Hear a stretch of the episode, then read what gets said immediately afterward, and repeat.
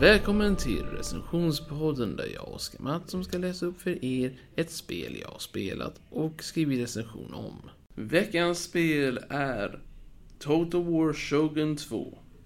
I Total War-serien så har denna blivit framskaffad som en uppföljare till originalskapad version. Det vill säga att av allihopa spelen så är denna förtjänad av en nummer två.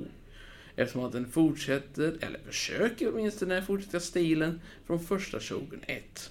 Vilket jag aldrig spelat, men Shogun 2 har jag spelat. Den innehåller också videoklipp som är lyckade eller misslyckade små miniuppdrag som du kan göra. Lönnmördare, statsledare, skaffa information som en, med en ninja. Som ni kan förstå handlar detta spelet om Japan och Shogunska kriget. Alltså du vet samurajerna Eh, och eh, ledande svärdstekniker mer eller mindre. Det är gamla Japan.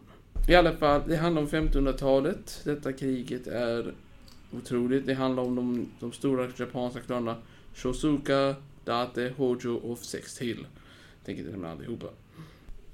Dessa klaner är stora klaner som fanns under den epoken och styrde Japan i dess stora imperialiska tid. Eller Shogun-tiden. Dessa klaner som inte går allihopa att spela som eftersom att det finns limitationer. Men många av klanerna är mindre klaner och de större klanerna kan du spela som. Spelet kom ut 2011 och är ganska välbaserat och välbevarat till skillnad från många gamla spel från den tiden. Det finns extra tillägg såklart, som åtta stycken tillägg. Detta är Otomo klanen-paketet, en ny klan att spela som. Ika Iku klanpaketet, ytterligare en klan att spela som. Hattori klanpaketet, sista klanen som kan spela i huvudspelet. Saints och hjälteenhetspaketet, hjältar och soldatpaket. Sengoku Jedi enhetspaketet, ovanliga nya soldater till spelet. Dragon Wars Strider-paketet, sex stycken välkända stridsplatser att spela igenom. Blodtilläggspaketet, helt enkelt lägga till blod i strider, vilket är en dum idé. Som de använt länge i varenda spel egentligen efter Shogun 2.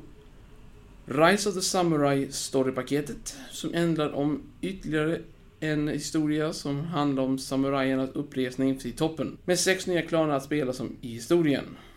I just denna historien, inte huvudspelet. Detta spelet är mycket mer färggrannare, det, det är magnifikt, det är underbar färgstil.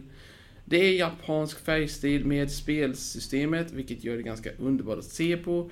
Men det finns alltid negativa punkter med alltihopa.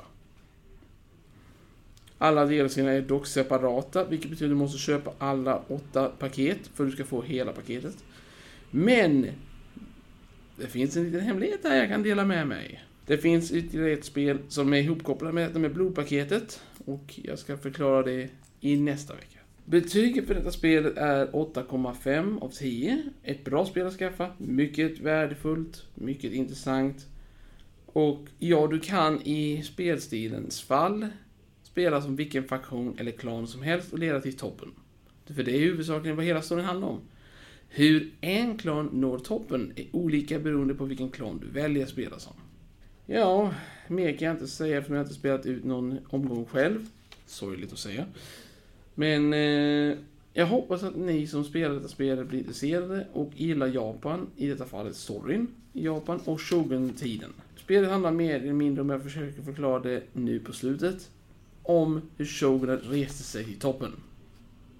Jag hoppas att ni har njutit av denna recension och jag hoppas att vi hörs snart igen. Hej då!